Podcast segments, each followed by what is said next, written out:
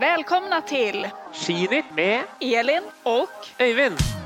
varje vecka snackar vi längdskidåkning, träning och hälsa. Vi følger de seneste nyhetene og får besøk av spennende gjester.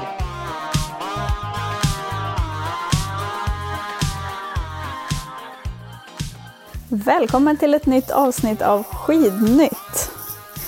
Hej Øyvind. Hvor er leget? Jo, bra. Det er fint. vet du. Det er eh, kaldt og fint. Kommet litt snø igjen, så nå er det skiføre. Og ja, nei, det er eh, eh, Det har vært noen hektiske uker da, med OL og sånn. Og det er jo snart mye annet morsomt med verdenscup i Holmenkollen og Vasalopp og i det hele tatt. Men, eh, så det er mye å glede seg til også. Men ja, nei, det er fint her i Oslo. Og du? Ja, det er fint her också. Det har blivit ganska mycket skidor faktiskt på slutet. För vi har haft otroligt fina förhållanden. Så det har varit härligt. Er det, Eh, er det bra? Har, har dere fine spor og sånn? Altså, er det i Sollefteå? ja, I Sollefteå. Har, har dere bra løyper og bane? Kan du gå hvor langt som helst, eller er det LU-sporet som gjelder? Eh, nej men det är ganska långa spår faktiskt. Det är det. Eh, det är uppe på Hallstaberget. De svenskar som känner till det. Så brukar det finnas lite längre spår som går över myrar och över några små berg och sådär. Så Blir- lite mer enn et elljusspår. For, forbereder du deg til noe skirenn? da? Blir det noe, får vi se Elin Molin på start i løpet av vinteren? Nei, jeg tror ikke det. Inte än. jeg har ikke trent for det i alle fall. Ok. Ja, Eller. Nei, men, du då? Eh, du på trening? Nei, ja, jeg holder noe. Jeg får, trener litt, da. Det, det gjør jeg. Men jeg, det blir jo ikke så mye. Det blir eh, ja, en time fem ganger i uka, kanskje. Ja. Så ja, det Ganske er eh, lika mig faktiskt. Men du mest da? Kjører du, typ, kjører du fortfarande stakning mest? Ja, jeg kjører stort sett staking. Jeg får se, jeg tenker at det, det er ofte enklest med føre og sånn. Når det er fint føre og blå ekstra og du kan gå på tørrvoks, så kan det av og til hende at jeg tar noen turer med, med fraspark. Eh, Og skøyting også kunne jeg ha gjort, men eh, nei, det blir mest staking. Det er, eh, det er fin trening. Og, og hvis jeg skulle være så dum å finne på å stille opp i noe skirenn, så, så tenker jeg at det kanskje er det mest relevante også å stake litt. Så. Mm. Jeg har typ Men- kjørt klassisk nå nu, ja. Altså med feste. mm. Jag tycker det er lite herlig også. Altså, Ja. det er kul å stake, men det er herlig å diagonala når det er sånt her före. När det bare är burkvallar, du har bergbett och Mm. tripp opp på bakkene. fint. Jeg er enig i det. Jeg er enig i det. Uh, men ja, du, vi skal jo snakke OL, uh, Elin. Ja, hvordan kjennes det når? Det kjennes nesten som en tomhet nå når det er slut, eller? Ja, det blir jo, du blir jo litt sånn der vant til å stå opp om morgenen, og så er det alltid et eller annet. da. Og vi, vi som er i Norge, da, som er heldige og har liksom Det er jo så mange øvelser vi er gode i, så jo, vi fikk jo medaljer omtrent hver eneste dag. Eh, og da er det, liksom, det er alltid et eller annet som man kan glede seg til. Så eh, det er litt sånn, det blir sånn der, ja, hva skal man finne på nå? Eh, men nei, det går bra. Det er jo bare to uker, og det er fint. Ja. Det er passe lengde. Og nå kommer det nye, nye greier. Da. Nå er det jo i dag, så, eller begynte på, på tirsdag, så begynte jo junior-VM og U23-VM på Lygna. Eh, så det er eh, noe nytt nå, da. Og så er vi jo bare knapt to uker unna Vasaloppet. Så Eh, og så er det verdenscup i Lahti, og ja, så er det mye å glede seg til. Men eh, eh, litt sånn tomhet er det, men eh, Men du har ikke gått inn i, i noen post-OS-depresjon, i alle fall? nei da, det har jeg ikke. Nej, men vi har tenkt eh, mye mycket om OS det her avsnittet og eh, därför har vi bjudit in en gäst som har varit på OS nu någon vecka. Nämligen Ragnar Bragvin Andresen.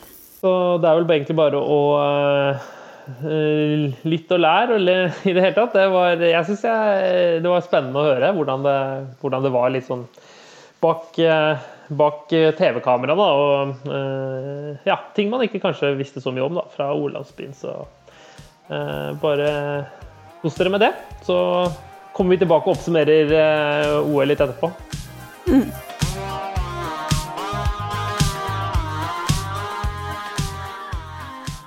Välkommen tillbaka till Skidnytt Ragnar. Tack för det. Den här gången ska vi inte snacka lika mycket om rullskidor utan vi hade tänkt eh, prata mycket om OS i det här avsnittet och du har ju varit på plats nere i Kina.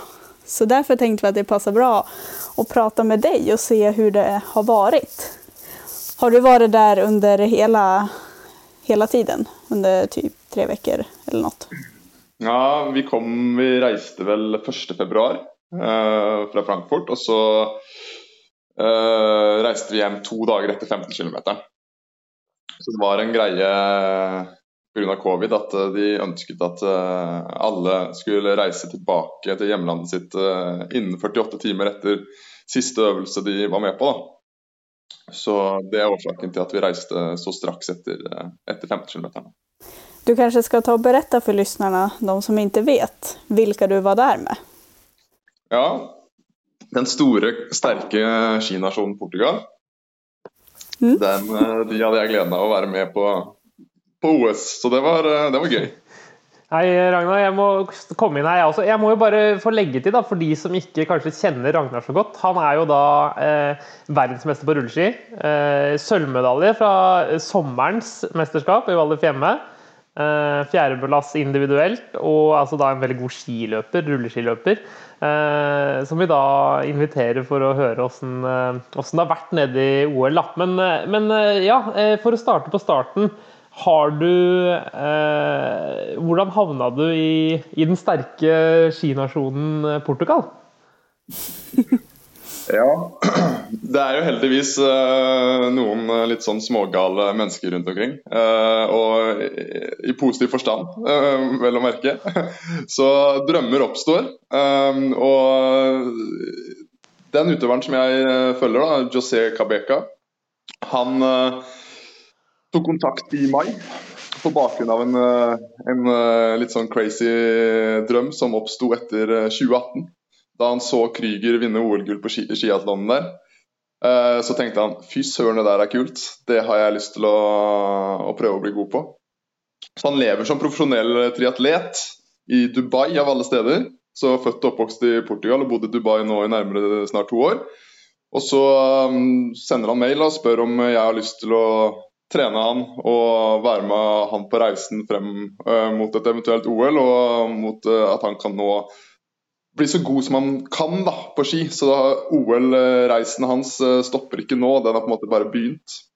Så vi begynte å jobbe online siden mai, og så kom han til Oslo 6.12. Og da begynte vi å jobbe med klassisk, klassisk teknikk og klassisk langrenn. Så han hadde egentlig ja, han ja. bodde i Portugal, og Ja, han, han, han eh, er født og oppvokst i Portugal, familien hans bor i Portugal, så han er jo fullblods portugiser. Men han eh, flyttet til Dubai for to år siden for å drive profesjonelt med triatl triatlon. Så han var liksom eh, helt ny på ski når du började jobbe med han? Ja, han hadde eh, rett i underkant av tre måneder i sitt liv i kontakt med snø da han kom til Oslo 6.12. Ja. Og, eh, og de gangene han har vært på snø i sitt liv, så har han vært uten trener. Så han er jo selvlært frem til vi begynte å jobbe online da, siden i mai. Men det er jo litt begrenset hva man kan gjøre eh, online. Han sender meg videre, og så diskuterer vi. Altså, det er jo lettere når man er nybegynner å, å ha en trener på plass. Så utviklingen hans siden han kom til Norge 6.12. frem til OL var jo formidabel. Det var nye seire hver dag. Men hvordan fikk, fant han ut at han skulle begynne med langrenn? Liksom? Var det Det var jo da han da som um, Da han så Krüger vinne OL-gull og syntes det var en utrolig rå idrett. For Langrenn er jo ikke store verken TV-begivenheten eller hverdagsaktiviteten i Portugal. Eh, så um, han ble rett og slett inspirert av å se på OL. da. Så det er litt gøy. Så um, det har sin verdi. OL, det har Häftig Ja, häftig historia liksom att han vågar göra det. Alltså ofta kanske man kan sitta och kolla på tv och bara oj vilken eh, rolig idrott eller vilken häftig idrott. Men man kanske Ja. inte tar steget och faktiskt gör det. Men det portugis... Nei, han går, han, går, han går all in, liksom. Han, Ja. eh, han satser det han kan. Og nå skal han kombinere triatlon og langrenn. Men, eh, men uh, hans sjef, da, som finansierer hans triatlonsatsing, han har gitt tommel opp for uh, videre utvikling av han som langrennsløper. Så han eh, kommer til å bli støttet på veien, så han får muligheten til å forsøke å bli så god han har talent for å bli. Men er han så god at han kan leve av triatlon? Så triatlon er liksom, han er fulltidsutøver i triatlon, eller? Han har en uh, gullkantet altså han, Jeg snakket med han i går. Han, han, er jo helt over seg av lykke, rett og slett. Én ting er at han har kommet til OL. Altså det har jo vært en barndomsdrøm for han. og han, han var som en gutt eller et barn i en leketøysforretning gjennom hele OL. Det var utrolig gøy å se hvor stort dette var for han. Uh, og hva det betydde. Og Så kommer han til Dubai nå. Han har vært en uke hjemme i Portugal. og Så har han truffet sjefen sin i Dubai og var over seg av begeistring over de positive tilbakemeldingene sjefen har gitt ham. Så den sjefen har jo da tatt han til Dubai for at han skal kunne være PT for denne sjefen. da. Eh, så han er, Det måten han blir finansiert på uh, og tjener penger på. så der Han har jo vært utrolig heldig. så han er jeg har ikke peiling på triatlon, uh, men han er verdensmester i amatørklasse i triatlon. Om det forteller noen om nivå, så, så han, jo, han innehar et visst nivå. Det har han absolutt. Han er, han er veldig veldig god i triatlon. Selv om han ikke er på Blumenfelt og det nivået, men Men, men, men det portugisiske skiforbundet i dette, her, eksisterer det? Eller er det på en måte Dere så dere hadde drakter, og det var på en måte Noen hadde jo gjort noe innsats for at det skulle Absolutt. Og det er det som er litt gøy. da. Eh, forbundet i Portugal eh, så Det er jo ett vintersportsforbund som dekker all, all vinteridrett. Um, og de har jo nå, etter dette OL her, eh, underveis i OL, så fikk de skikkelig blod på tann. Altså De ble så inspirert over den utviklingen José har gjennomført. Så nå, de tok kontakt, eller altså, de var jo der og bestemte seg. Vi hadde et møte og sa Ragnar, nå skal du hjelpe oss å gjennomføre rulleskirenn i Portugal til sommeren. Så min ambisjon da er å få med rulleski inn i noen skoler og vise frem det i gymnastikktimene. Mm, de har eh, skolesett med rulleski som ikke har blitt brukt så særlig mye i Skiforbundet der.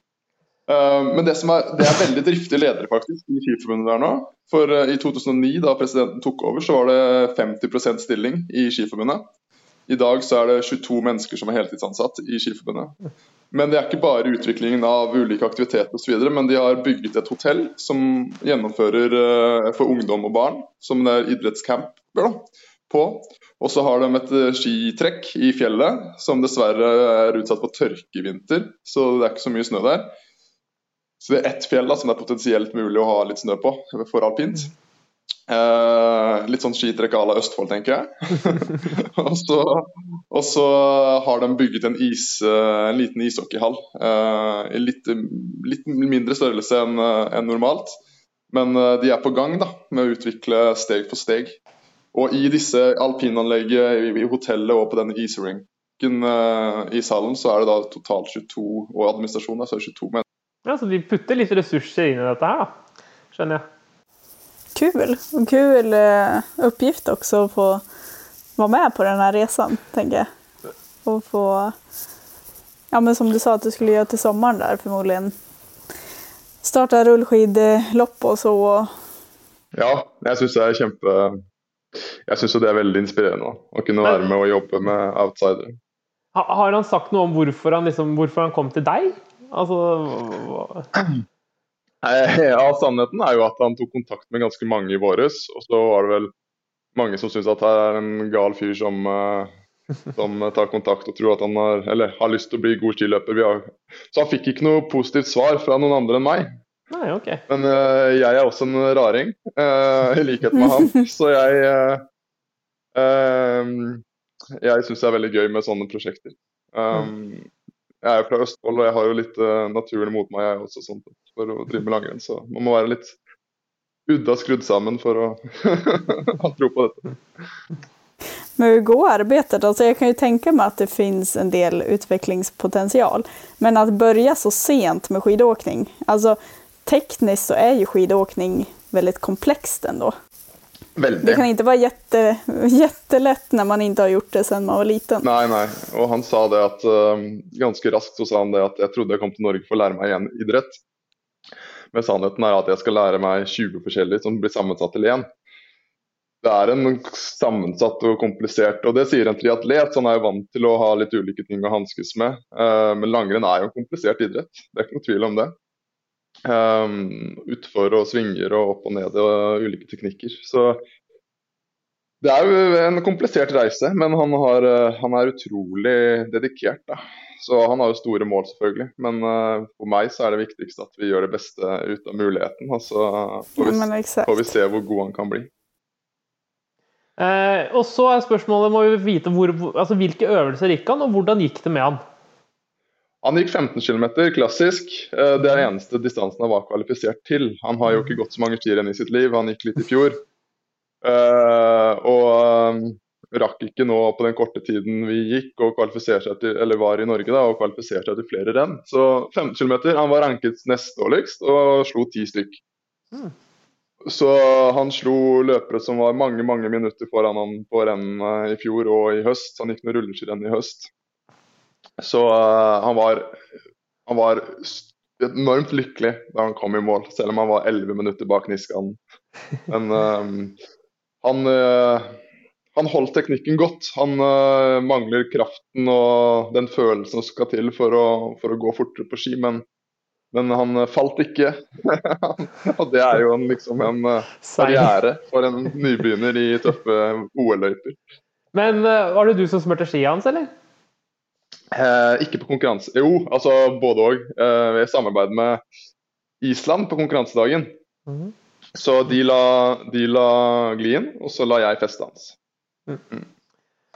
Kult. Det var vel kanskje ikke så komplisert her? Det var blå ekstra dere gikk på, eller var det Ja, men faktisk 15 km så var det første dag med føreendring. Så mm. da var det litt stress frem til start, både for den islandske troppen og for, eh, for oss, for å, mm. for å finne riktig, riktig festesmurning. Så det var vel den eneste dagen hvor det var litt endring i føret. Mm -hmm. Vi som har sittet og kollat på OS da, gjennom tv, vi har jo fått tatt del av det bistra vädret som har vært der. Ja. Kan du forklare hur det var? Hur, hur kallt var det egentlig? Eller var det vinden som gjorde det kaldere? Ja, det var det. Uh, vinden var fryktelig, for å si det mildt. Ja. Um, på dag nummer én der borte så tenkte jeg at nå er jeg her kun på jobb. Dette er ikke skiglede for meg. for det var for kaldt. Det var rett og slett fryktelig vondt. Så når du fikk den vinden i ansiktet og i kroppen, så slo det med deg, liksom. Det var som et slag, sånn som jeg opplevde det, da. Eh, det var tre dager med godt vær. Det var 15 km og to dagene i forkant av det. Så 10 km også hadde vel ganske godt vær da, for jentene. Men forutenom det så var det et vær som jeg syns ikke var noe særlig gøy å være utendørs i. så da ble skien ja. ja. Man var ikke ute på tur og myste, liksom? Nei, man var ikke Nei. det. Så da ble ski en jobb, da. Men sola, liksom, tok den Kjente du at eh, når den fikk liksom stå på litt, at det liksom Var det noe varme fra den, eller? Det var faktisk det. Eh, I, um, utenfor smøreboden vår så var det et lite område med, mellom bodene hvor det var le. Hvor jeg satt skiene til uh, nedkjøling hvis jeg la noe grunnklister i bunnen f.eks. Og uh, akkurat der så kunne man stå og nyte, nyte litt varme fra solen. Mm. Men uh, det var ikke så mange Det er jo et veldig åpent landskap, da, så det er ikke så mange steder å uh, finne le. Og de trærne ja, som du så mm. Ja, for det var neste spørsmål. Er det noe omgivelser altså Kan du sammenligne det med noe som fins i Europa eller kanskje Norge-Sverige? da? Altså Er det noen steder som liksom Med, med landskap, eh, liksom? Eh, så, eller er det ingenting som ligner her i Nei, det vi har jo gått skirenn på en ørken, vi Øyvind, på, på Røros. Ja, ja. Så, ja. Så det er jo det er en ørken man går på. De trærne dere ser på TV, er jo eh, plantet for anledningen. Mm. Så um, det er et helt åpent ørkenfjellandskap, og det er ikke så mange steder du finner det da, i, eh, i vårt men, område av verden. Nei, Men så du noe til sanden? Og liksom Snakke om at det kunne blåse sand og sånn inn i løypa, sånn, det var ikke noe Nei, jeg så ingenting til det. Og de hadde jo lagt sprøyta enorme mengder med kunstene også utenfor løypene. Mm. Så det var nok eh, Og den måten de hadde plantet trærne på, sånn var jo sikkert et grep for nettopp det. da. Mm. Så um, men har du, har du, noe inntrykk av hvor altså Det kom jo snø der. Eh, og det var jo sånn vi hadde blitt fortalt at det, altså det skjer altså Før OL så var det skjer ikke.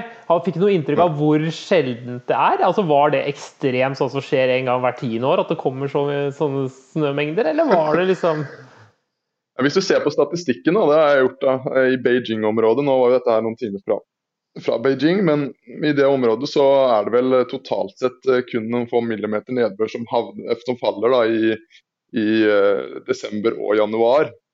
Og så blir det litt mer i februar, og så utover våren, da. Mm. Men uh, den store snømengden som faktisk kom, det er nok sjeldent, ja. Uh, og, de, og, du ser jo, det blåser jo så kraftig, så det blir jo ikke liggende på ett og samme sted. Så eh, vi stusset litt på det. så i, i, åsene rundt oss var det én ås som hadde litt snø, og så var det på den andre siden så var det ingenting. Så det kommer jo helt an på hvor, uh, hvor vinden blåser. Mm. Men det er, det er et tørt område, det er en ørken, og det er en grunn til det. Eh, men da, men da, er jo liksom videre altså fikk dere, altså Hvis du hadde hatt lyst, kunne du ha løpt opp i den åsen? Og på en måte, eller var det sperra og strikt og overvåking av hvor du gikk og ja, sånn? Ja, jeg ble fortalt det, jeg husker ikke hvem, men at vi, det skulle vært gøy å tatt en topptur. Eh, men det får vi dessverre ikke lov til, var det en som sa til meg. Jeg husker ikke hvem som sa det. Så etter det, så det var, sa tidlig i, arrangementet, så jeg stilte ikke noen flere spørsmål ved det. Uh, men det er jo med en gang du kommer utenfor akkreditert eller så i OL-landsbyen, så er det jo transport direkte til stadion. Så om jeg hadde hatt lov til å ta joggeskoene fatt og løpe fra OL-landsbyen og opp til stadion, det vet jeg faktisk ikke. Det var jo ikke lagt opp til det. Og dere kunne ikke byen Shangjiakao, det, det var ikke noe by, nei. eller? jo, det. Det er jo en by, men hvor den er, vet jeg ikke. Uh, jeg så ikke noe til den. Men det var jo en, det var jo nybygd uh, landsbyby uh, rett ved siden av O-landsbyen også. Men, men så vidt jeg har forstått da, og googler meg til dette, her, så skal det være en millionby som ligger et eller annet sted der. Men hvor den er, det Oi! Nei, jeg, den er ingen som vet. Nei. Så den ligger et annet sted i nærheten. Men vi har jo ikke fått sett vært rundt der, da. Vi har vært mellom Olandsbyen og stadion. Som, infrastrukturen var jo fantastisk tilrettelagt. da. Så det var et utrolig velgjennomført OL eh, med, av arrangør ut ifra omstendighetene. Det må sies. Men hvordan er det å leve i OS-byen? Vad, hva finnes i OS-byen for oss som ikke har vært i en OS-by? Er det liksom alt? Ja, du kommer inn Du lander holdt på å si, med, med, buss første kvelden der. Og så kommer du inn gjennom en sikkerhetskontroll hvor du blir skannet med kroppstemperatur og blir tatt bilde av osv. Når du kommer gjennom den kontrollen, så kommer du inn i en nybygd eh, nesten litt sånn eh, studentby ser det litt ut som. Da. Litt større boliger eller blokker med, med, mange leiligheter. Og så er det en kjempestor restaurant helt uh, i toppen av, uh, av, landsbyen. Og derimellom så er det gode, fine gater som er, er jo veldig koselig, egentlig, da, foruten at det var grusomt kaldt. Og så var det, var det lagt opp og så var det et fantastisk gym. Det var et sånn servicesenter midt i landsbyen. Og Der var det et gym på toppen som var åpent 24 timer i døgnet. Uh, kan være lurt i starten for en døgnhvile. jeg hørte rulleskimølla til Sverige gikk nesten 24-7. Uh, eh, vi bodde i samme by som Sverige, og der var det mange som brukte den sent på kveld og tidlig morgen. Så det var nok noen døgnhvile og utøvere. Men uh, så var det en liten kolonialforretning og suvenirbutikk og en type spillehall var der. Vi hadde Coca-Cola Athlete Lounge med en kafé. Så det var Du har det meste som du trenger, altså. Eh, det er en liten by med, med, det du kan tenke deg i en liten, komprimert by. Eh, bare kort, bare en liten Hadde Sverige med seg egen rulleskimølle? Sa du det? Altså, det var flere, det var mange nasjoner som hadde det. Sveits hadde Finland hadde det. Jeg så aldri Sverige sin, men jeg, jeg, hørte, altså jeg er jo vant til å høre lyden av en rulleskimølle. Så både José og jeg vi var jo overbevist om at Sverige også hadde en. da. For det, vi hørte en var i hvert fall en maskin som gikk, og det hørtes ut som det var staver som gikk i den uh, maskinen.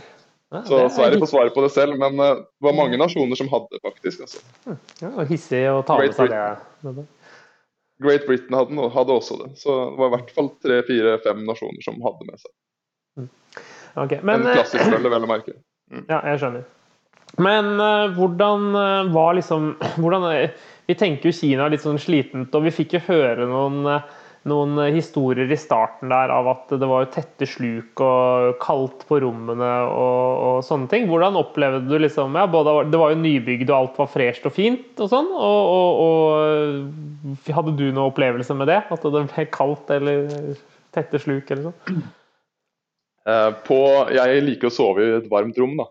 Så det var litt kjøligere enn hva jeg foretrekker. Mm. Men jeg tror nok det var tipper at det var 18 eh, grader på rommet. Mm. Uh, og i stuen vår så var det langt over 20, så det var ikke noe problem hos oss. Mm. Men um, selv om ting er nybygd uh, i enkelte land, som, så er det ikke nærmest sagt at det er samme kvalitet på absolutt alle detaljer som vi er vant til hjemmefra. da. Uh, så jeg hørte også det var noen som hadde problemer med noe sluk. Men vi hadde, vi hadde, for oss var det helt supert, helt perfekt. Så vi har ingenting å klage på, verken av kvalitet på leilighet eller bad eller noen ting. Så det var uh, tommel opp for det vi ble levert, i hvert fall. Hvor, hvordan var koronatiltakene? da? Sånn Når du først kom inn i OL-landsbyen, sånn, var det sånn at dere måtte teste dere masse? og sånn, Eller var det egentlig altså fra du da kom inn i landsbyen, og sånn, hvis ikke det skjedde noe spesielt, trengte du å teste da før? Ja. Måtte, alle måtte teste seg hver morgen. Så vi gjorde en rutine at uh, det var en teststasjon utenfor restauranten. Så vi testet oss, uh, testet oss der da, uh, før frokost. Så det var gjort. Og Første dag så var det vel to tester. Og når vi skulle på åpningsseremonien, så måtte vi også gjøre en utvidet test. For å få et sertifikat for å være med på åpningsseremonien. Så det var to dager det var to tester, doble, og så resten var det én test hver dag. Men så var det dette med når hver gang du skulle tilbake til OL-landsbyen, så måtte du gjennom denne sikkerhetskontrollen, hvor da også kroppstemperatur ble målt av med en skanner når det ble tatt bilde av. Så det var jo strengt, men det gikk veldig smidig etter hvert som du ble vant til det. Så når du fikk ting litt inn i huden og det ble en rutine, så var det veldig smidig. altså. Men munnbind, det savner jeg ikke. men, eh, men, matsalen og sånn, der har vi jo sett noen bilder av altså disse pleksiglassene og sånne ting. og Det er jo én ting av det, men også hvordan det fungerer der. Er det, der er det bare å gå rundt og ta? og Har man mat fra alle verdens hjørner der, eller hvordan, hvordan er det? Det skulle i hvert fall være det, da. Eh, mat fra alle verdens hjørner. Men ja, når du kommer inn, så er det spriting av hender, og så er det noen fantastisk glade volunteers som tar deg imot og vinker og 'welcome, welcome'. Så det kan jeg også si, da. Altså, de frivillige som jobbet med OL, du verden så mye glede de spredde, og, og smil og glede. Eh, fantastisk hjertelige. Um, så når du kommer inn der, så tar du på deg plastikkhansker, så er det rett og slett en buffé som du blir servert på da du kommer og peker på hva du skal ha. Um, og da skulle det jo være mat fra alle verdens hjørner. Jeg savnet uh, havregrøten. Det var havresuppe, uh, var jo alternativet, da. Men uh, du kunne jo poteter, egg, fantes ris, massevis av pasta, hotpot, kinesisk spesialitet, som jeg syns er veldig godt. da. Iskre. Altså, du hadde, du hadde egentlig jeg, jeg, jeg, hørte at noen klaget på mat, men jeg finner ikke noen grunn til det i det hele tatt. Jeg syns det var veldig bra.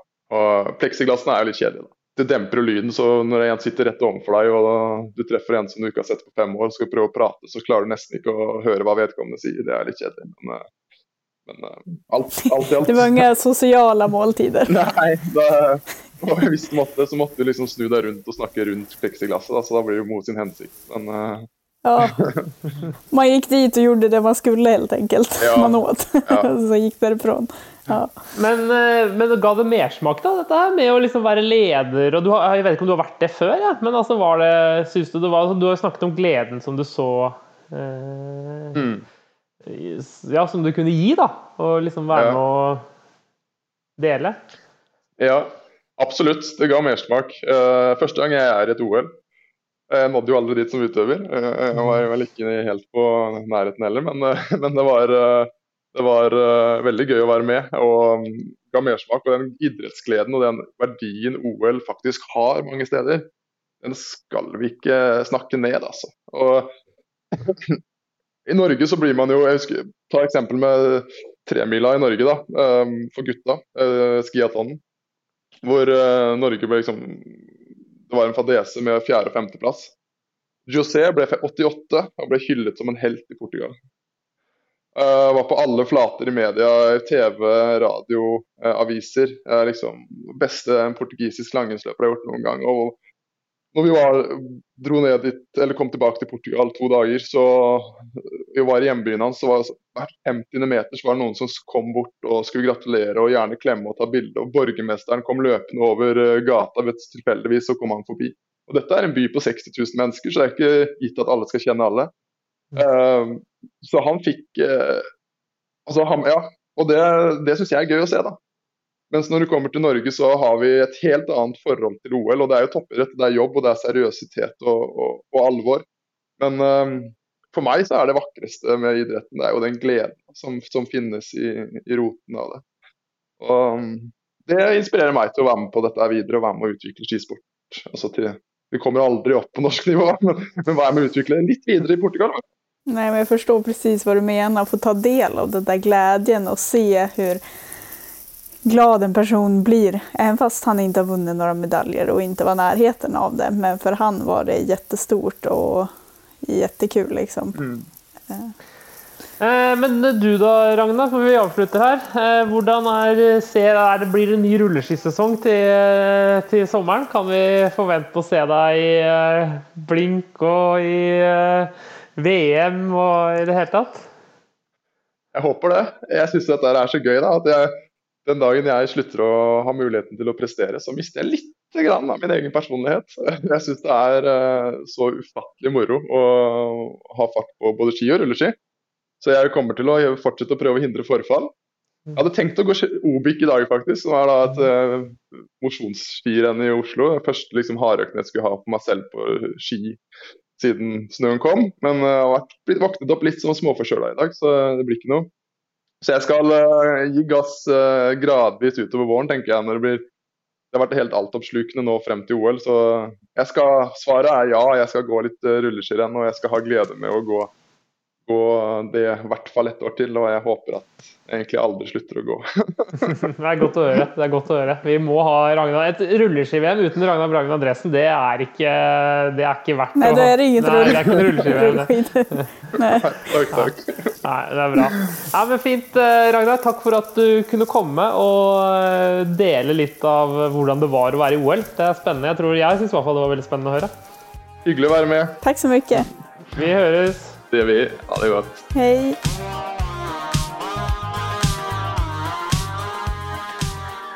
Ja, det där var Ragnar och där fick vi ta del lite grann om hur det är att leva i OS-byn och hur Portugals framtid ser ut inom längdskidåkningen. Eh, men nu tänkte vi gå in lite mer på det sportsliga och faktiskt tävlingarna och OS i sig. Vad har du for opplevelser Øyvind, av OS totalt, sett når du satt og fulgte det hemifrån? Det første jeg tenker på nå, er jo da femmila ikke ble fem mil. Eh, jo, da begynner vi jo kanskje litt i feil ende, da. Men, men jeg, jeg, må jo si at jeg er jo litt skuffa over FIS, da. Som, hvis det nå er de som har Det virker jo som at det er de som har på en måte ansvaret for arrangementet der borte, og, og liksom konkurransene. Eh, og man ser jo hva skiskytterne får til. Eh, og dette her er jo litt sånn tilbakevendende med tanke på januar og, og at langrenn måtte avlyse mens eh, skiskytterne fortsatte eh, å kunne konkurrere. Og at femmila da blir ikke flytta, altså, eller noe sånt, men at den ble kutta ned, da. Eh, det var jo kanskje bra når du, sånn, sånn, når du, ble som det ble. Vi var jo ikke der, og jeg, så som Ragnar sa, så var det jo kaldt.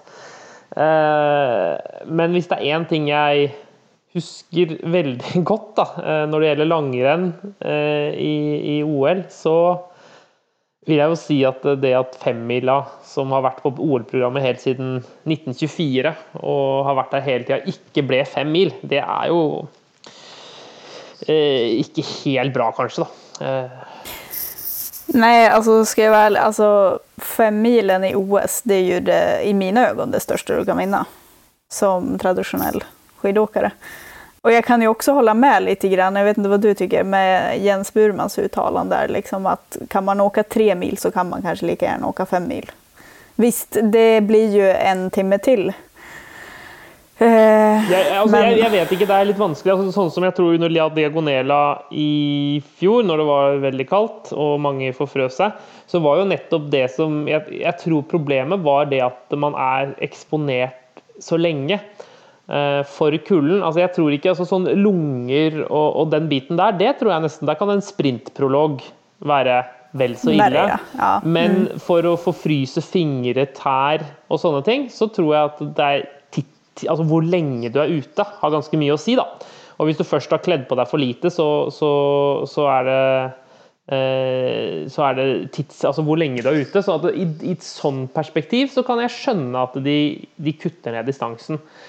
Eh, men så er det jo rart at liksom, altså de sa det var kaldere på søndag, men da gikk jo jentene tre mil. Eh, Eh, altså, jeg, Skiskytterne de flytta jo fram konkurransen fordi de så at okay, det kommer til å blåse så mye at vi får kanskje ikke gjennomført ting på, på søndag, eh, nei, på lørdag. Så da flytta de fellesstarten for eh, jentene fram til fredagen.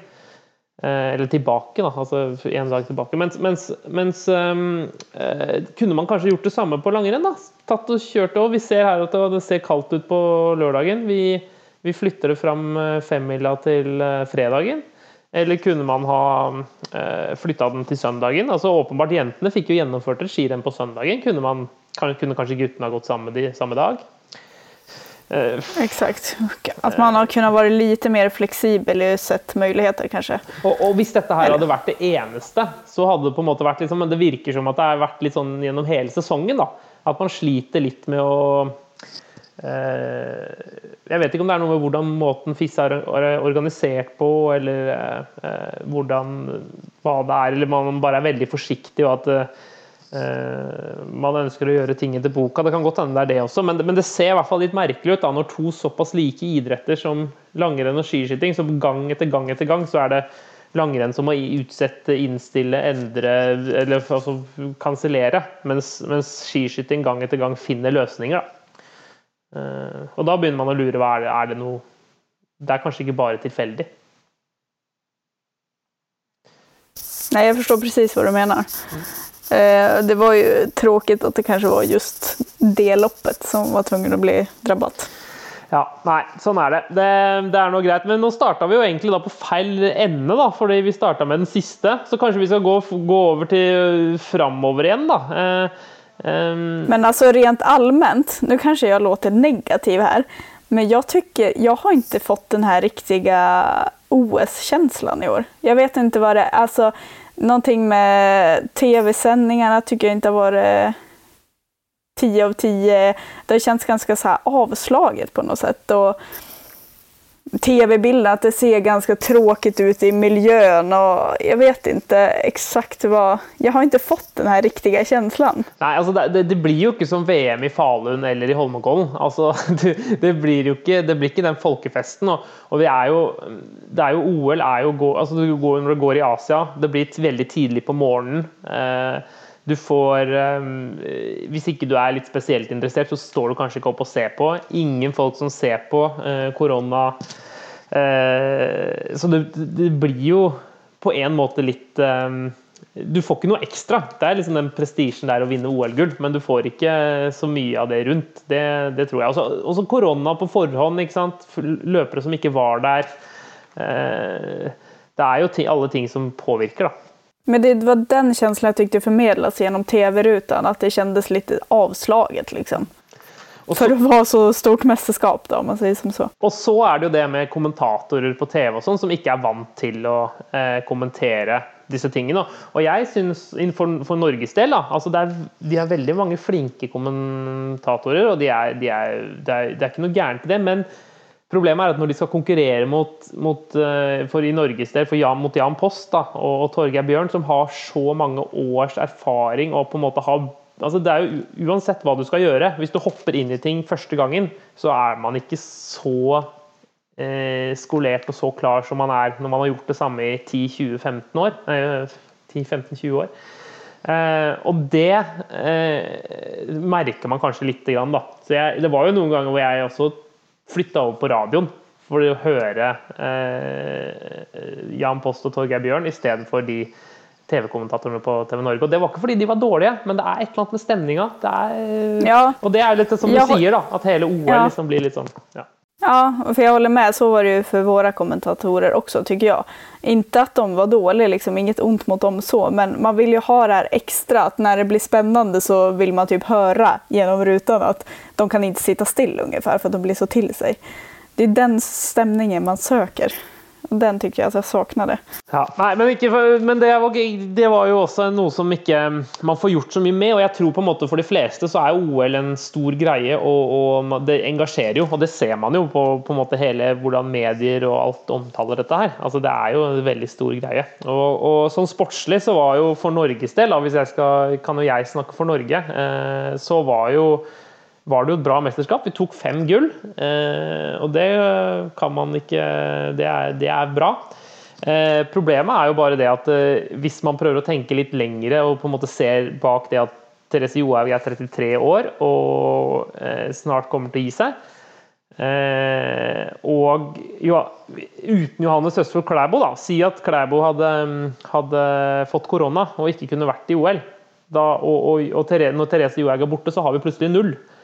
Eh, og, det er jo på en måte det som eh, Null gull. Og det er jo Tror jeg mange får litt sånn der Oi, oi, oi, her, hvordan skal dette gå? Men eh, det kommer helt sikkert til å gå fint, det også, regner jeg med. Men, men det er jo tror mange som sitter litt sånn igjen med at ja, vi, vi var bra i langrenn dette OL, men neste OL, da er det ikke sikkert det er sånn, da. Ja, men lite så. Vi er jo så vant å se, ikke kanskje bare en eh, norske eller nordmann på pallen. Eh, nu var det ju Johaug och eh, Kläbo som, vad ska man säga, räddade upp lite medaljsituationen för er. Det är lite ovant att se, liksom, för ofta brukar det ju vara ganska dominant bland Norge. Sverige, da? Ja, det är ju lite både och där också. Det är väl, vi hade ju våra kanske mest klara hopp, ja förutom ja, sprinten såklart, men på distans så var det ju Ebba och Frida som var stora medaljhopp och lyckades ju inte riktigt med det. Eh, och eh, Ebba, alltså Ebba gör ju ett bra mästerskap. Det räckte inte till medalj. Väldigt nära men eh, jag, sk jag ska ändå säga Ebba gör ett bra mästerskap. Om man ser till säsongen hon har gjort så har hon ikke inte misslyckats på det sättet. Visst att hennes mål var medalj och det kan hon också ta. Men eh, det är väl Frida kanske främst som har haft det tyngre. Och Ja. varit ganska långt ifrån sin toppkapasitet. toppkapacitet. Ja, Fra min side, da, sånn sett fra, så, fra Norge, så vil jeg jo si at det, det har vært ganske altså jeg, ville, jeg hadde tenkt at Ebba skulle kunne gjøre det litt bedre, men det kan godt hende man at som du sier, at hun har kanskje ikke vært så mange ganger på pallen før i år. og, og liksom, eh, Det var ikke noe selvsagt at hun skulle ta medalje. Eh, Men Frida har jo vært eh, dårlig, og vi satt jo her og prata mester, altså før eh, mesterskapet, så sa jeg jo det at jeg trodde kanskje at det kom til å At det ikke sikkert det gikk så på skinner som man eh, Og jeg, igjen, jeg må gjenta det, at det, det virker som at når, du... når de store anledningene, så er det vanskelig for Frida å få det til. og at eh, det virker kanskje at hun er bedre på eh, onsdagsintervallen hjemme i, eh, i lysløypa enn hun er på når det virkelig gjelder på OL. da og i de største begivenhetene. Så får vi se. det kan godt, Hun er jo ung og hun kommer til å, helt sikkert til å holde på i mange år og få mange sjanser, men, eh, men der har hun en liten utfordring. da. Ja, jag trodde ju ändå att lite som du var inne på förra podden att ja, men efter första tävlingarna varit så kanske hon sänker axlarna lite grann och att det kommer gå bättre. Men det var ju snarare att det gick åt andra hållet. Och det är svårt att säga det, vad det beror på så att säga. Eh, Är det bara fysiskt som det fungerar inte och sen blir ju det en ond spiral såklart negativt. Att man känner mer och mer press att man vill att det ska fungera. Ja, nei, for det, at dere ikke, altså det, at Sverige ikke tar jentestafetten, jo, var jo ganske overraskende. Uh, uh, det er vel bare å, bare å si. Og, også, og kanskje enda mer overraskende lagsprinten. Da. Uh, og der er jo Maja også hadde jo et skuffende mesterskap, vil jeg si. Eh, Hun, hun fikk sølvet på, i den individuelle sprinten, det, altså, så hun kom jo hjem bra, liksom. Men eh, både langstafetten og kortstafetten mangla det eh, litt på, da.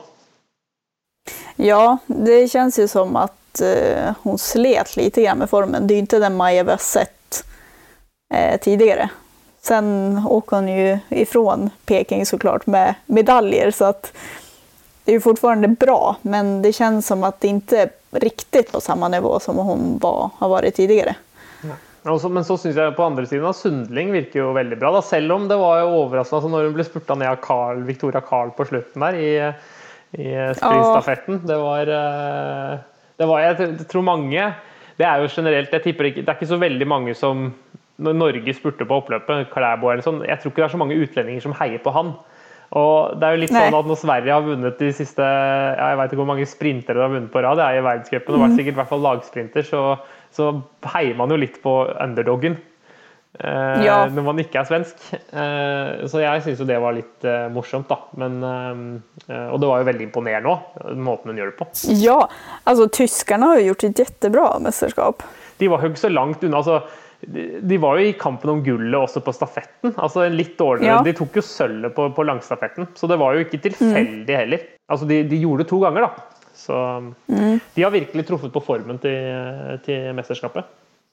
Ja, virkelig. Og det, jeg syns det er så bra for sporten også, at det er flere. For nå blir vi liksom, eh, om vi sier Sverige på pappret var ju vi kanske solklara favoriter till guldmedaljen. Mm. Men nu fick vi slåss hårt om ett brons. Och då är inte Norge med i den där fighten heller. Så at eh, mm. Ja, nei, så det er, det er Det har skjedd litt. Det er jo, man har liksom tenkt at liksom, altså, damelagrenn er kjedelig og sånn, men, men, det ser man jo egentlig litt nå at det er nesten mindre Det er, mindre, det er mer spennende og tettere dueller i damelangrenn. Altså Kautokeino-Niskanen fire tideler bak eh, Johaug på, på 10 km. Og eh, Ja, det var jo helt sjukt. Alltså, då, då jag då som ikke var norsk, jeg satt jo kanskje kanskje lite på henne bare for at det er kul å se noen annen enn den solklara vinne. Mm.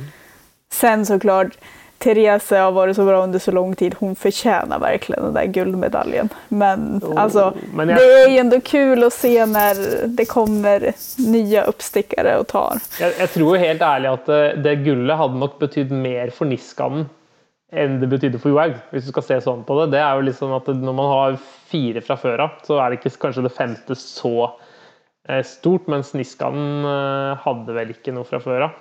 Eh, eller, hadde, eller tok de noe lagsprintgull i Pyong? Ja, nei, nå tør jeg ikke, og det har jeg ikke helt. Men jeg tror det var første hennes. Så. Ja.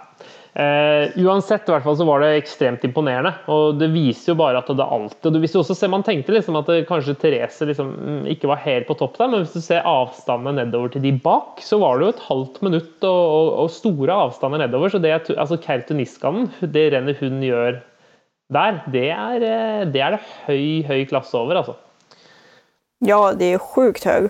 Og liksom Finland overlag den der dagen, eller 10 og 15 kilometer, damer og herrer. Nei, det er, veldig, det er veldig, imponerende da, hvordan de har klart å eh, prikke inn formen. Så det er eh, hvert fall ja, Og Ivo, da. Det er jo ja, Man vet ikke, det, det, Han gjør dette gang etter gang, og han, eh, han er så eh, så sterk og, og, og, knuser Bolsjunov og alle andre. Så det er bare å bøye seg i støvet.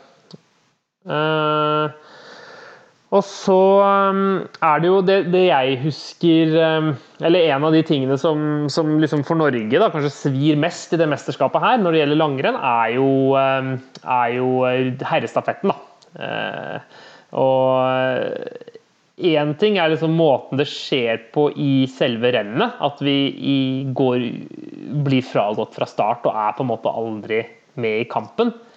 Eh, og altså det som skjer i forkant med laguttak og, og den diskusjonen der, da. Så eh, jeg tror den var litt sånn eh, Ja, den, den, var litt, den, var ikke så, den var ikke så bra, da. Personlig så syns jeg det var rart at Emil Iversen fikk gå. Eh, det er merkelig når man velger først Valnes, og så bytter man, og så er det en som ikke har gått i mesterskapet tidligere. og så ja, Sist skirenn han gikk, var 1.1. Eh, ja, det var så lenge siden. Ja, og da, han, da brøt han Tour de Ski. Eh, så altså, jeg regner jo med at de må ha hatt en eller annen info, et eller annet testløp, et eller annet noen hardøkter som skulle på en måte tilsi at han var veldig bra. fordi hvis det eneste de har gjort, er vært å banke på døra til Iversen og spurt er du i form, så syns jeg det hørtes eh, litt rart ut. Er, etterpåklokskap er jo den eneste eksakte vitenskap, og det, det, er jo nå også. Men når man så hvordan Valnes gikk på teamsprinten, eh, så, så burde vi jo ha bytta. Det er ikke noen tvil om det. Eh, eh og vi hadde jo også en Sju Røthe som gikk kjempebra på femmila som også viste form. Så man, kanskje han kunne gått en skøyte tredjeetappen, og så kunne man hatt Holund på en klassisk etappe. Eh, ja. Det fins mange, mange, muligheter her. Den tror jeg er litt sånn at man tenker at det, det var liksom vi, vi, fikk ikke gitt dem en kamp engang, da. Og, og, Ja, det svir litt, da. Og ryssarna, eller ikke bare ryssarna utan ryskorna også, båda de har jo visat också på fin form. De har verkligen lyckats pricka formen. Mm. De tog ju guld både dam og herrestafett.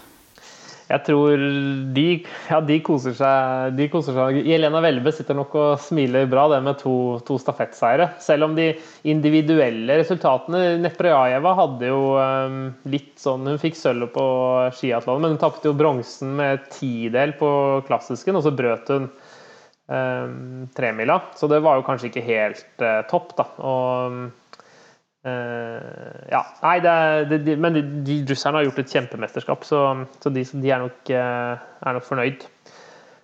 Ja, de har jo faktisk flest medaljer, når jeg regner opp litt snabbt, på lengdsiden. Mm. De tok elleve.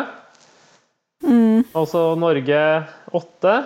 Finland seks. Og... Seks, og Sverige fire. Ja, må, det, er, det, er, jo skuffende, er det ikke det, da? Fire? Hæ? Jo, kanskje litt. Det, ja, lite mer hadde vi håpet på. Men, men, så bare til slutt Ja, jo, jeg skjønner. Men, men så til slutt her, hvordan løypene og, og, det her altså Jeg må si i hvert fall når det gjaldt, gjaldt stadion og liksom, altså det OL-et her, hva var det med, var det med stadion og, og, liksom altså, jeg vet Nei, ikke om, just...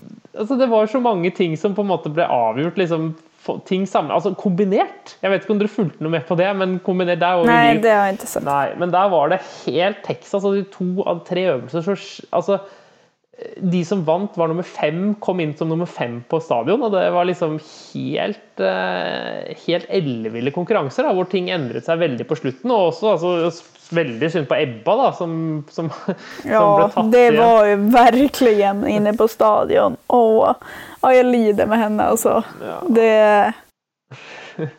det ja, man trodde ikke at det var möjligt liksom, oppe på toppen. Da var det ändå så här, det var, var det typ 25 sekunder når det var 3-3,5 kilometer og så typ 11 sekunder oppe på toppen. Og sen bare tjoff. Nej, ja. Det svänger fort. Men, ja, ja, jag håller med dig. Det, det skedde sjukt mycket där. Jag tror att den där liksom backen, eller ska man kalla upp på stadion och sen liksom hålla farten på platten. Jag tror att det, hade du krafter der, så kunne du gjøre så utrolig mye, tror jeg. Mm. Det var åpenbart det at det var veldig det var, Også bakkene var litt sånn på De var liksom De var, så, de var sånn, såpass slake at du kunne Du kunne til og med liksom tjene ordentlig med tid hvis du hadde kraft krefter til å ta i ordentlig på toppen.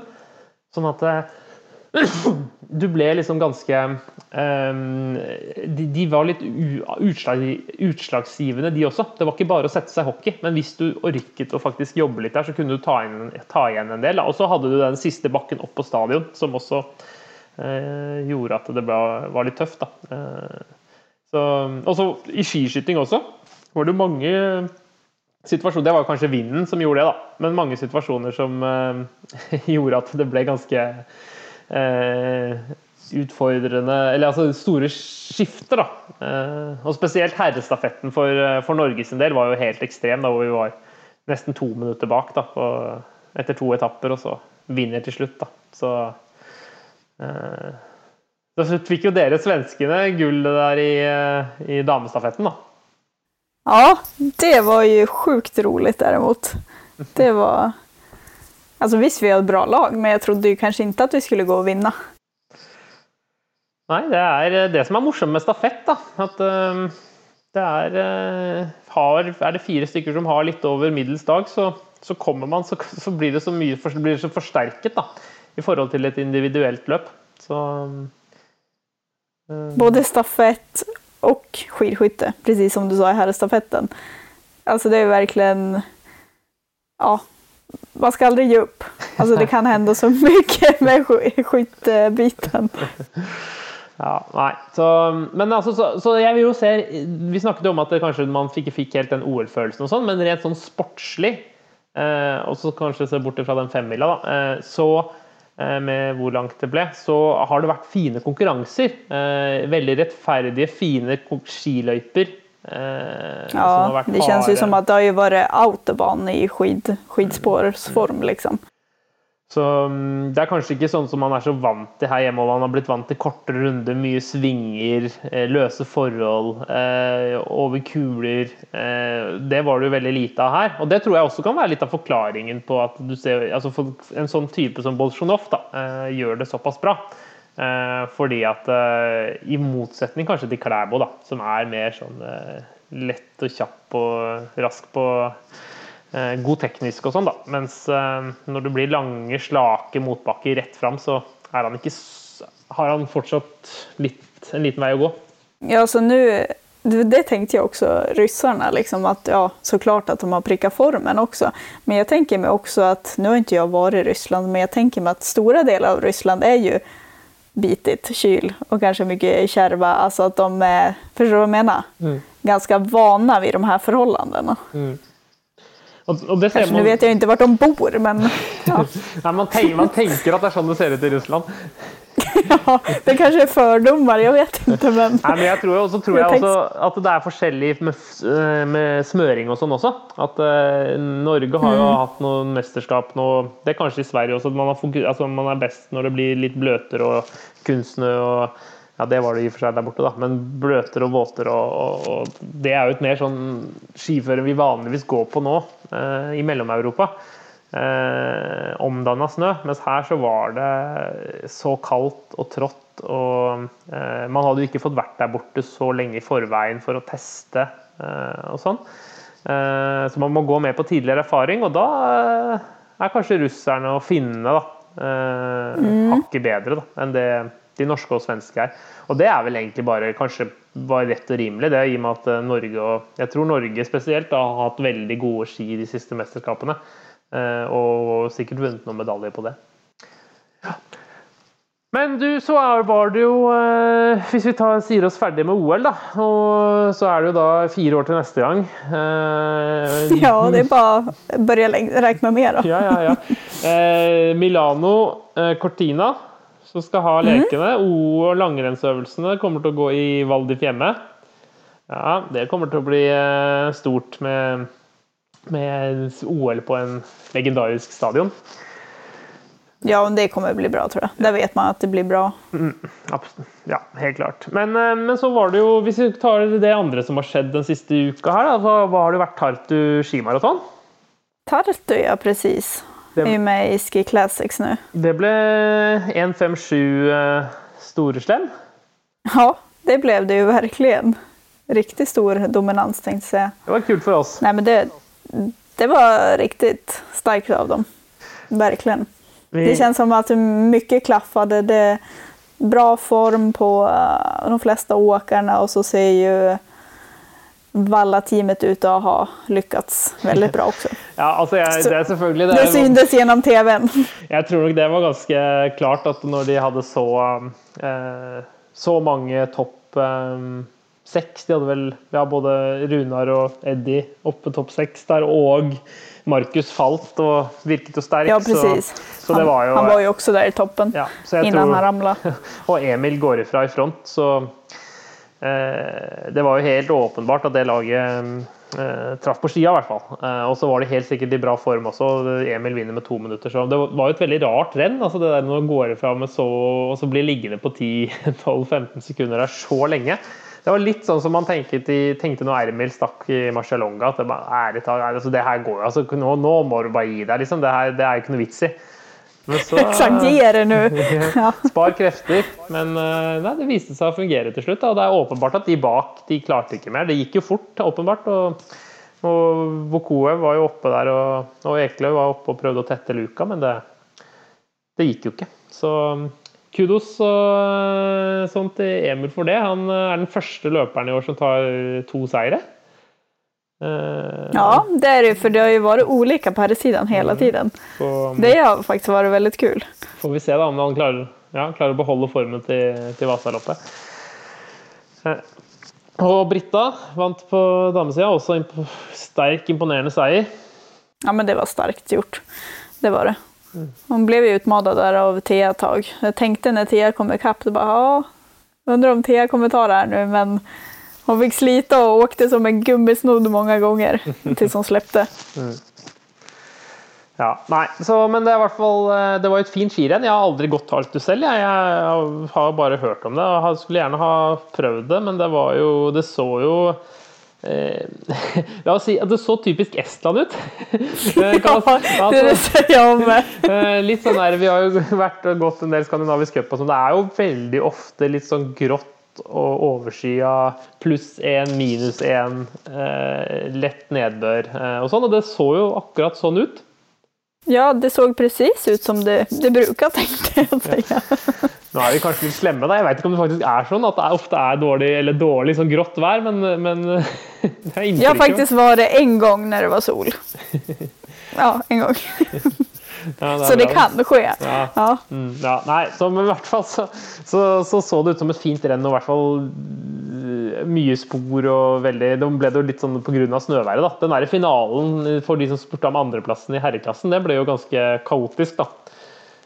Med Ekeløv-disk og øh, ja Jeg hørte om Mikael Gunnulfsen ikke var så veldig fornøyd. og Ja, det, det gikk litt hardt for seg, tror jeg.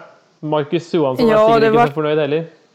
Nej, det vart ju något fall. Var det Mackan ramlade ju och så det var en Gunnul- till va? Gunnulfsen. Ja, det, det var Gunnulfsen ja.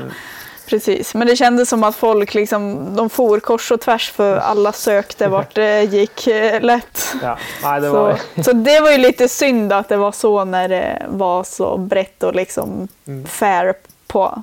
jeg, jeg, hørte, jeg hørte jo Jeg snakket litt med Andreas Nygaard etter målgang, og han sa jo faktisk det at eh, det var altså fordelen Han fikk det sporet der Emil hadde gått to minutter tidligere, da, to og et halvt minutter tidligere, og det, den fordelen av å ha det sporet var så stor at han egentlig aldri ble så veldig utfordret. At han på en måte kunne bare ligge i det sporet. Og, og, og da hadde han det ganske greit. Da. Og det var så vanskelig å komme rundt. Da. Eh, Så da kan man jo se liksom hva, hva betydningen av én løper i, foran i sporet kan gjøre. Da. Eh, Exakt. Selv om ikke det snødde. Det var vel mer litt sånn regn, men det var en eller annen sikkert en sånn hinne eller et eller annet da, som, ble, som ble brutt. Da. Så, eh, det er jo fascinerende. Ja, det var spesielle forholdene, det kjennes som. Ja, ja. Nei, men uh, nå er det jo da Neste helg så er det jo ikke noe Ski Classics. Uh, men det er jo da verdenscup i Lahti. Det er jo litt uh, stas, det. Legendare 15 km i Lahti. Den tipper jeg Ivo Niskanen har lyst til å vinne. Og sikkert kanskje i, i Kertu også. Kanskje vi får søskenseier der. Ja. Eh, Ja, exakt. Mm. Ehm, og så er det jo ehm, uh, I Norge så er det jo hovedlandsrenn. Uh, stort uh, norgesmesterskap for eh, 15-16-åringer. Eh, og så er det junior-VM da, hele uka. Så da Ja, må dere precis. slå med Det sendes vel på Det sendes i hvert fall på NRK1 fra torsdag. Jeg vet ikke om du har sjekket det, Elin, i Sverige? Uh, Jag vet inte faktiskt. Nei, jeg tror det sendes på Jag har inte sett. Jeg tror SVT sender, um, sänder uh, det. Ja, det kanske går på SVT Play då kanske. Mm, något. Eller det. så sänder SVT. Ja. Så det er i hvert fall fra det torsdag. Det, de begynner allerede på tirsdag. Nå, det begynte på tirsdag. Og så er det mm, Och så är det Tjejvasan. Så er det Kjeivasan, selvfølgelig. Den er jo, blir, der får vi jo en liten sånn smakebit på, på Vasaloppet. Eh, Britta har jo visst kanskje Hun har vel fått et lite, lite favorittstempel etter det som skjedde i Tartu. Ja, det skulle jeg si. Og så er det jo to uker da, til eh, det store eh, Vasaloppet. Ja, det ser man jo fram imot. Og vi tenkte jo faktisk komme med et nytt avsnitt redan neste uke, der vi tenkte fokusere på Vasaloppet. Så da er det bare å tune inn da, så får dere litt oppsnakk og litt eh, Vi får kanskje noen spennende gjester også. Så det er bare å følge med. Och eh, glöm inte att skriva till oss också om ni har några frågor eller om ni har tips på vad ni vill höra. Så skriver ni till podcast at wsportsmedia.com. Hei da! Tack och hej!